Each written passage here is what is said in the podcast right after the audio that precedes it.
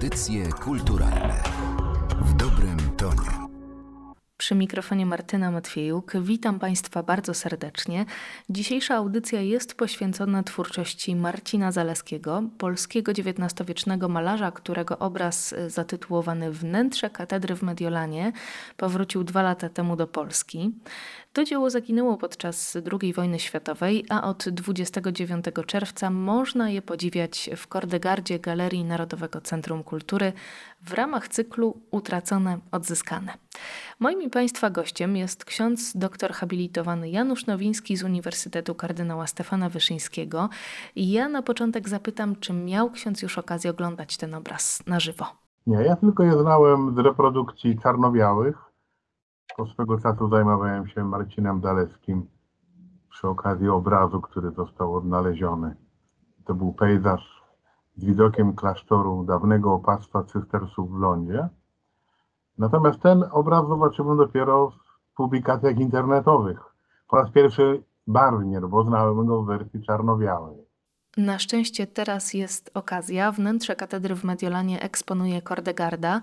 A wracając do Marcina Zaleskiego, on istnieje w powszechnej opinii jako wedutysta, jako twórca pejzaży miejskich, ale jego zainteresowania twórcze wybiegają poza wedutę, o czym świadczy choćby obraz, o którym dziś wspominamy. Tak, poza temat weduty.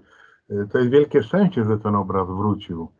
Y, musimy pamiętać, że podczas II wojny światowej, właściwie po powstaniu y, warszawskim, zbiory Muzeum Narodowego zostały rozkradzione, rozproszone tej chwili poszukujemy stu obrazów Marcina Zaleskiego, jego obrazów, rysunków i szkiców ze zbioru Muzeum Narodowego w Warszawie.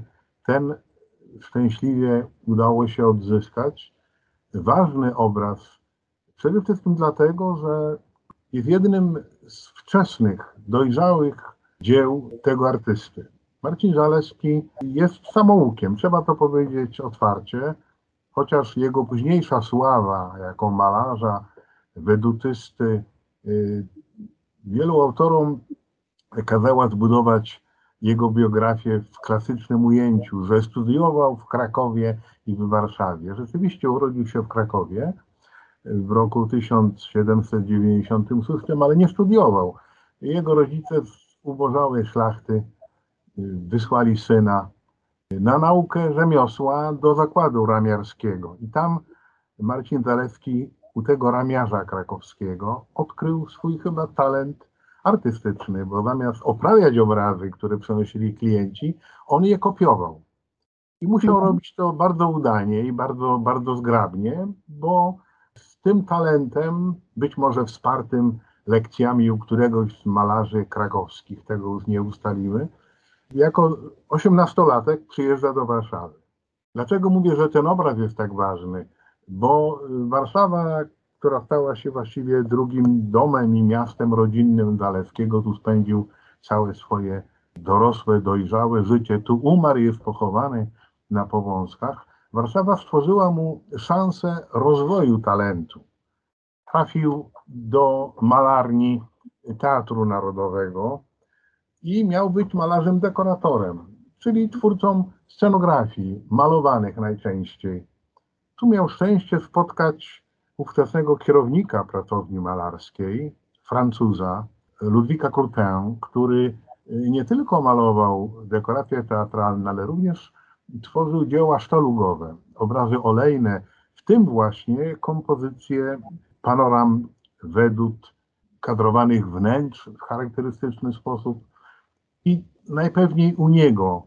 Młody Marcin Zalewski poznaje przede wszystkim tajniki techniki olejnej, poznaje paletę, posługiwanie się farbami olejnymi, ale również poznaje zasady kompozycji panoramicznych, ujęcia wedut, co pozwoliło mu już bardzo wcześnie, bo na początku lat dwudziestych XIX wieku, a więc ma dwadzieścia kilka lat, kiedy y, wystawia swoje pierwsze prace olejne. I są to właśnie ujęcia e, panoramiczne, są to kompozycje wedutowe, bardzo wysoko ocenione przez ówczesną krytykę artystyczną. Właściwie artysta, malarz bez żadnego zaplecza na miejscu, raptem pojawi się jako twórca zyskujący uznanie. Zwłaszcza wystawa w roku 1828 stała się przełomowa, bo recenzenci tej wystawy zwrócili się z wnioskiem do rządu Królestwa Polskiego, aby takiego obiecującego artystę w zakresie przede wszystkim malarstwa dekoracyjnego dalej kształcić. Uznano, że brakuje mu doświadczenia sztuki europejskiej. I na wniosek tychże recenzentów rzeczywiście młody Marcin Zalewski otrzymuje stypendium rządowe. Wyjeżdża z Warszawy przez Paryż, przez Berlin, trafia do Italii. No i właśnie obraz, o którym mówimy, jest owocem jego stypendium. Przez rok podróżuje, a właściwie poznaje sztukę europejską, poznaje twórczość wielkich włoskich wedutystów, poznaje, no właśnie, tych wielkich Wenecjan przede wszystkim, Gentile Belliniego, Vittore Carpaccia, czy y, Antonia Canala, tych, którzy gatunku weduty, a zatem całościowego ujęcia miasta czy jego fragmentu, przedstawienia rzeczywistości miejskiej, bardzo często z dodatkiem sztafażu rodzajowego, a zatem scen ulicznych, mieszkańców, wszystkiego, co miasto z sobą przynosi i czym żyje. Otóż właśnie Marcin Zaleski, studiując ich pracę, no, wchodzi w świadomość najlepszych osiągnięć w tym gatunku. No przede wszystkim trzeba do tego dodać Giovanniego Battista Piranesiego, wielkiego kreatora wizji Rzymu, czy Francesca Guardiego. Po kontakcie z nimi, oczywiście w trakcie podróży szkicuje, w trakcie podróży rysuje, w trakcie podróży notuje to, co go porusza, to, co go w szczególny sposób artystycznie podnosi. I właśnie wracając w roku 1830 do Warszawy, no nie mógł od razu wykorzystać swoich talentów zdobytych na stypendium, bo wybucha powstanie listopadowe. Te kontrakty, które zawarł między innymi z budującym się teatrem wielkim na jego dekorację, to wszystko właściwie zostaje anulowane. Z tym, że Marcin Zalewski, który miał być malarzem dekoracji scenograficznych, zmienia decyzję o swoim dalszym losie. Zaczyna malować dzieła sztalugowe właśnie w duchu panoram, w duchu wedut i obraz, o którym rozmawiamy, fragment wnętrza katedry w Mediolanie, jest właściwie pierwszym bardzo dobrze charakteryzującym te cechy jego twórczości, które będzie dalej rozwijał i które będą charakteryzowały Marcina Zalewskiego, czyniąc go sławnym, czyniąc go artystą oklaskiwanym, chętnie kupowanym, pełnym uznania, no, charakterystycznym zjawiskiem, które podkreśla jego popularność, jest fakt kradzieży jednego z jego obrazów z wystawy przez nieznanego wielbiciela jego twórczości. Wróćmy do obrazu, o którym zaczęliśmy, a więc fragment wnętrza katedry w Mediolanie, bardzo precyzyjnie wykadrowany.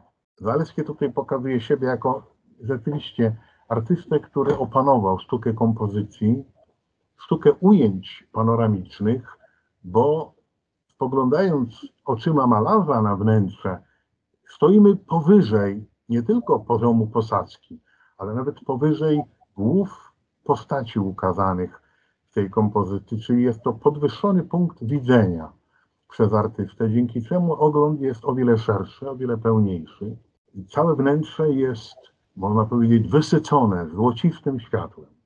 To światło pada z okien gotyckich kaplicy zamykającej perspektywę. To jest kaplica na końcu południowego ramienia transeptu katedry w Mediolanie i to z jej wnętrza, z tych okien, gdy patrzymy na chociażby ułożenie cieni postaci ukazanych, no to widzimy, że jest to pora południowa, kaplica południowa, słońce w zenicie i właśnie przez te okna spada to najsilniejsze w ciągu dnia światło, światło południa, zwłaszcza we Włoszech jest to światło o charakterze bardzo szczególnym, natomiast we wnętrzu przez witraże, przez atmosferę architektury to światło zostaje przefiltrowane. Staje się światłem, który widzi artysta, złocistym, miodowym, które otula architekturę, precyzyjnie ją rysując zarazem, staje się ogólną tonacją obrazu. To światło jest rozproszone, a zatem nie razi patrzącego, ale również rozkłada się miękko w całej przestrzeni przedstawionej przez malarza. Widzimy zatem z lewej strony dwie ambony, to one plus balustrada komunijna znaczą krawędź prezbiterium. Z tego prezbiterium widać tylko mały fragment prospektu chórowych organów, które towarzyszą modlitwie kanoników w stallach poniżej. Natomiast tak naprawdę artysta wciąga nas w przestrzeń właśnie ramienia transeptu, gdzie modlą się wierni, ukazani bardzo dokładnie co do stroju. To światło, o którym wspomniałem na początku, rysuje ich postaci świetlistym konturem, przez to stają się jeszcze lżejsze, jeszcze szlachetniejsze. Zwróćmy uwagę, że na tym obrazie światło odbija się od posadzki i dopiero jako takie widzimy je odbite na sklepieniu. To sklepienie dzisiaj wygląda zgoła inaczej. W czasie regotytyzacji wnętrza usunięto barokowe stiuki. Tak gdybyśmy chcieli porównać obraz Zaleckiego z dzisiejszą katedrą w Mediolanie, no to mamy dokument wnętrza, które już dzisiaj w wielu momentach wygląda inaczej. Ale właśnie na tym polega specyfika sztuki Marcina Zaleckiego, że jest wiernym rejestratorem rzeczywistości architektonicznej, którą dokładnie rejestruje, którą artystycznie przekształca i to światło rozproszone, miodowe, modeluje formę architektoniczną. On je rzeźbi przez światłocień oczywiście, bo partie oświetlone są wyprowadzone jaźniejszą formą. Te, które w miękkim, łagodnym cieniu się kładą, są położone oczywiście innym kolorem, są lekko stonowane. Poza tym, tym to charakteryzuje kompozycję Zalewskiego, tego typu właśnie kompozycje wnętrz architektonicznych, to luminizm, a zatem operowanie światłem, które pochodzi z wielu źródeł. Jak się przejrzymy, to silne światło na wprost jest również uzupełnione światłem okien bocznych, okien, które słońca w tym momencie nie posiadają, ale również wprowadzają oświetlenie. To oświetlenie wprowadza nowe wartości malarskie w kompozycję wnętrza. Powiedział ksiądz, że ten obraz możemy traktować jako dokument. Ja myślę, że to jest też dobry moment, aby przypomnieć, że prace Marcina Zaleskiego obok obrazów Canaletta były wykorzystywane jako wzorce podczas odbudowy Warszawy po wojnie i rzeczywiście one zaskakują dokładnością odwzorowania. Mówi się o tym, że Zaleski jako jeden z pierwszych wykorzystywał w swojej pracy fotografię, która właśnie miała pomagać mu w tym jak najdokładniejszym oddaniu rzeczywistości. Czy mamy jakieś dowody na to, że malarz korzystał właśnie z tego narzędzia, jakim są techniki fotograficzne? Tak. Rzeczywiście obrazy Zaleskiego, podobnie jak Bernarda Bellotta, zwanego Canaletto, posłużyły po II wojnie światowej do odbudowy stolicy. Plan Zachwatowica przewidywał odbudowę Warszawy, tej starej Warszawy, taką, jaką uda nam się przywrócić w jej pierwotnym kształcie.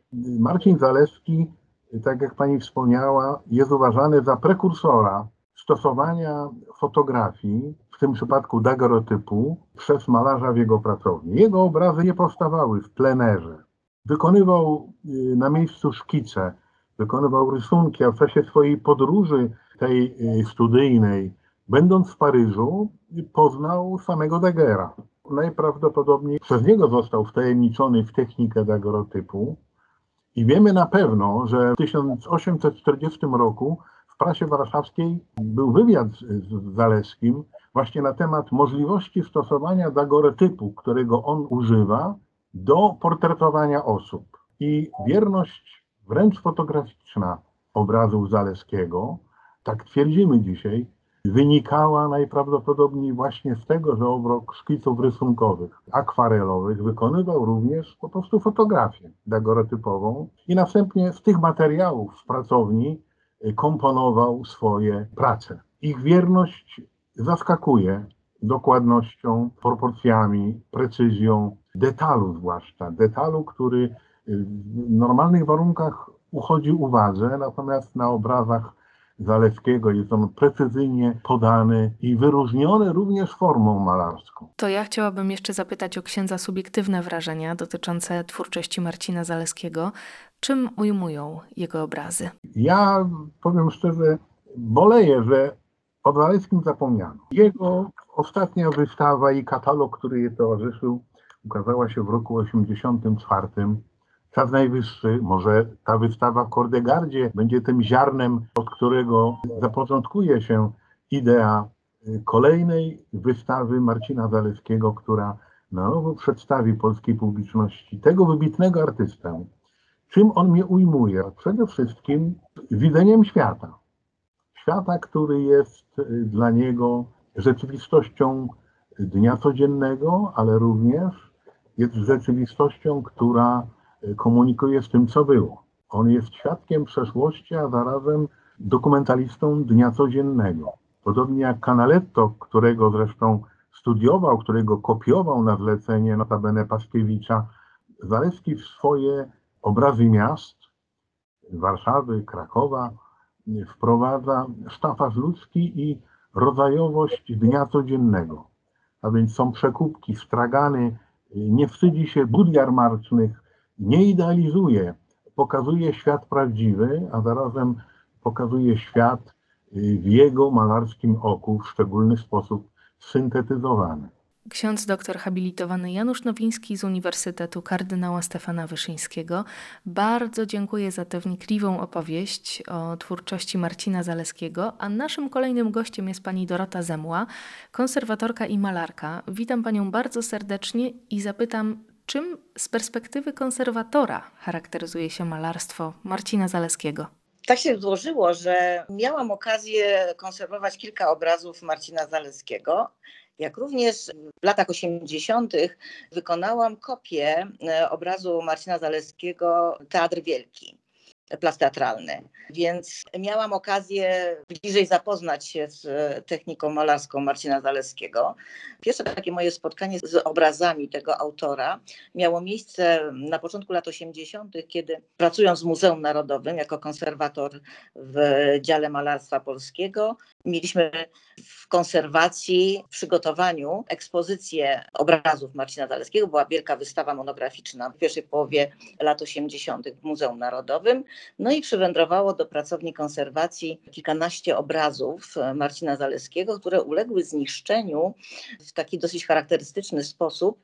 Mianowicie prawdopodobnie musiały przebywać w jakimś zawilgoconym pomieszczeniu, stały gdzieś, może to była piwnica, no jakieś takie pomieszczenie, które było zalane wodą i one przy jednej z krawędzi, która, która dotykała prawdopodobnie podłoża, były y, nawilgocone i zniszczenia były tak duże, że trzeba było rekonstruować całe właściwie takie pasy przy krawędzi przy tych obrazach. No i tak się złożyło, że rekonstruowałam te obrazy, więc miałam okazję się przyjrzeć bardzo uważnie technice i technologii malarskiej Marcina Zaleskiego. Potem zdarzyła mi się ta kopia, którą też zleciło mi chyba Ministerstwo Spraw Zagranicznych i w latach 2008 bodaj to było, podczas inwentaryzacji kolekcji opactwa w lądzie trafiłam na obraz, który był niespecjalnie zniszczony, ale bardzo brudny, miał już wcześniejszą konserwację robioną, taką e, niezbyt dobrą, właśnie pomijającą jak gdyby oczyszczenie tego obrazu z wcześniejszych zabrudzeń. No i w trakcie konserwacji no, zaczął się odsłaniać po prostu znakomity warsztat malarski, nie jakieś prowincjonalne malarstwo, tylko po prostu no, widać było, że to jest XIX-wieczny malarz, ale na pewno jakiejś dobrej klasy fachowiec, wedutysta i nagle olśnienie, że po prostu widzę dużo podobieństw w sposobie malowania do tych obrazów właśnie Marcina Zaleskiego, z którymi miałam kontakt jak gdyby kilkadziesiąt lat wcześniej. I oczywiście skontaktowaliśmy się razem z profesorem Januszem Nowińskim i razem no, po prostu nagle olśniło nas, że to musi być po prostu coś, coś właśnie bliskiego Marcinowi Zaleskiemu. Natychmiast pobiegłam do Muzeum Narodowego, żeby porównać bezpośrednio sposób malowania. No i rzeczywiście identyczny po prostu sposób nakładania farby i taki bardzo typowy dla Zaleskiego sposób jak gdyby e, malowania mimo techniki takiej akademickiej, e, klasycznej, dla, e, typowej dla XIX wieku, to jednak on ze względu na niezwykłą biegłość malarską pozwalał sobie na takie jakby impastowe, bardzo ekspresyjne nakładanie impastów co było widoczne w partiach zieleni, gdzie roziskrzenie świat w tych partiach malowanych zieleni, takie migotanie uzyskiwał przez kropkowanie. Nawet nie kropkowanie, to tak jakby kropla z pędzla spadała mu taki bardzo charakterystyczny sposób, co również zaobserwowałam na tych obrazach, które były w Muzeum Narodowym.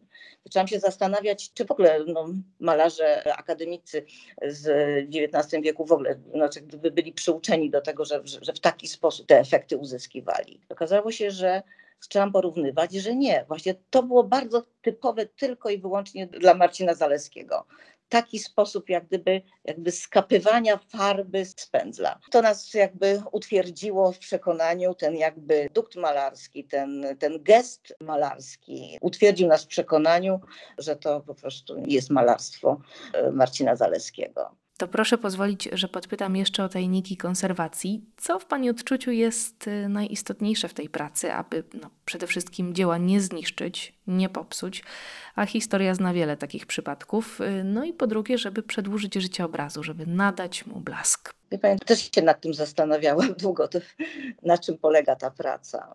Mnie się wydaje, że to chodzi o to, że przede wszystkim trzeba mieć kolosalne doświadczenie. Trzeba łączyć w sobie nie tylko pewne doświadczenie malarskie, konserwatorskie, historii konserwacji, technik malarskich, historii technik malarskich, technologii malarskiej, wiedzy chemicznej, ale też bardzo ważne jest doświadczenie malarskie w moim przekonaniu konserwator musi być również malarzem. Musi wykonać szereg różnych prac, które pozwolą mu jakby zrozumieć cały warsztat, cały proces powstawania, powstawania obrazu. I teraz to pozwala jakby przy podejściu do obrazu wyobrazić sobie, wiedzieć, jaki ma być efekt końcowy, do czego zmierzamy, jak ten obraz powinien wyglądać po zakończeniu konserwacji. Oczywiście Trzeba pamiętać o tym, żeby nie ingerować nadmiernie jakby w autorstwo obrazu, nie rozbudzać swoich jakichś ambicji malarskich w żadnym wypadku.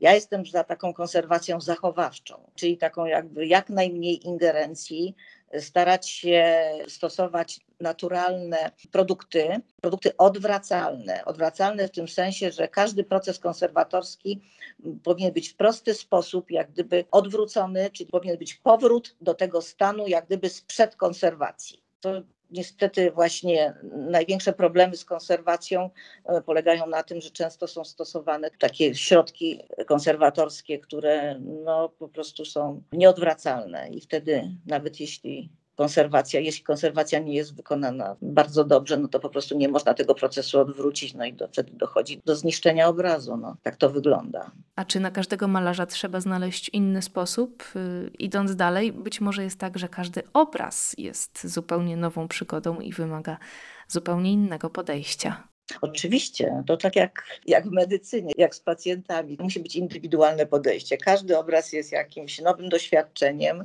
trzeba go potraktować indywidualnie. No oczywiście można powiedzieć, że jest pewnego rodzaju rutyna, powtarzające się jakieś sytuacje z, z obrazami, zniszczenia bardzo charakterystyczne i tak dalej. Jeżeli konserwator ma odpowiednio duże doświadczenie, no to może przewidzieć zachowanie się obrazu po użyciu jakichś tam środków czy wykonaniu jakichś zabiegów konserwatorskich i to jest też bardzo ważne, oczywiście, żeby mieć to doświadczenie, ale generalnie muszę przyznać, że mimo, że no, wykonałam mnóstwo konserwacji i, i pracuję jako konserwator od kilkudziesięciu lat, to jednak ciągle zderzam się z taką sytuacją, że są jakieś nieoczekiwane niespodzianki z obrazem, ale też bywają fantastyczne odkrycia, tak jak w wypadku tego obrazu Marcina Zaleskiego. Dorota Zemła dziś w audycjach kulturalnych o konserwacji i o obrazach Marcina Zaleskiego. Przypominamy Państwu, że wnętrze katedry w Mediolanie, obraz odzyskany dwa lata temu, można oglądać w Kordegardzie przy ulicy Krakowskie Przedmieście w Warszawie. Dodam, że poza tym płótnem na wystawie znalazły się też inne dzieła artysty. Audycje kulturalne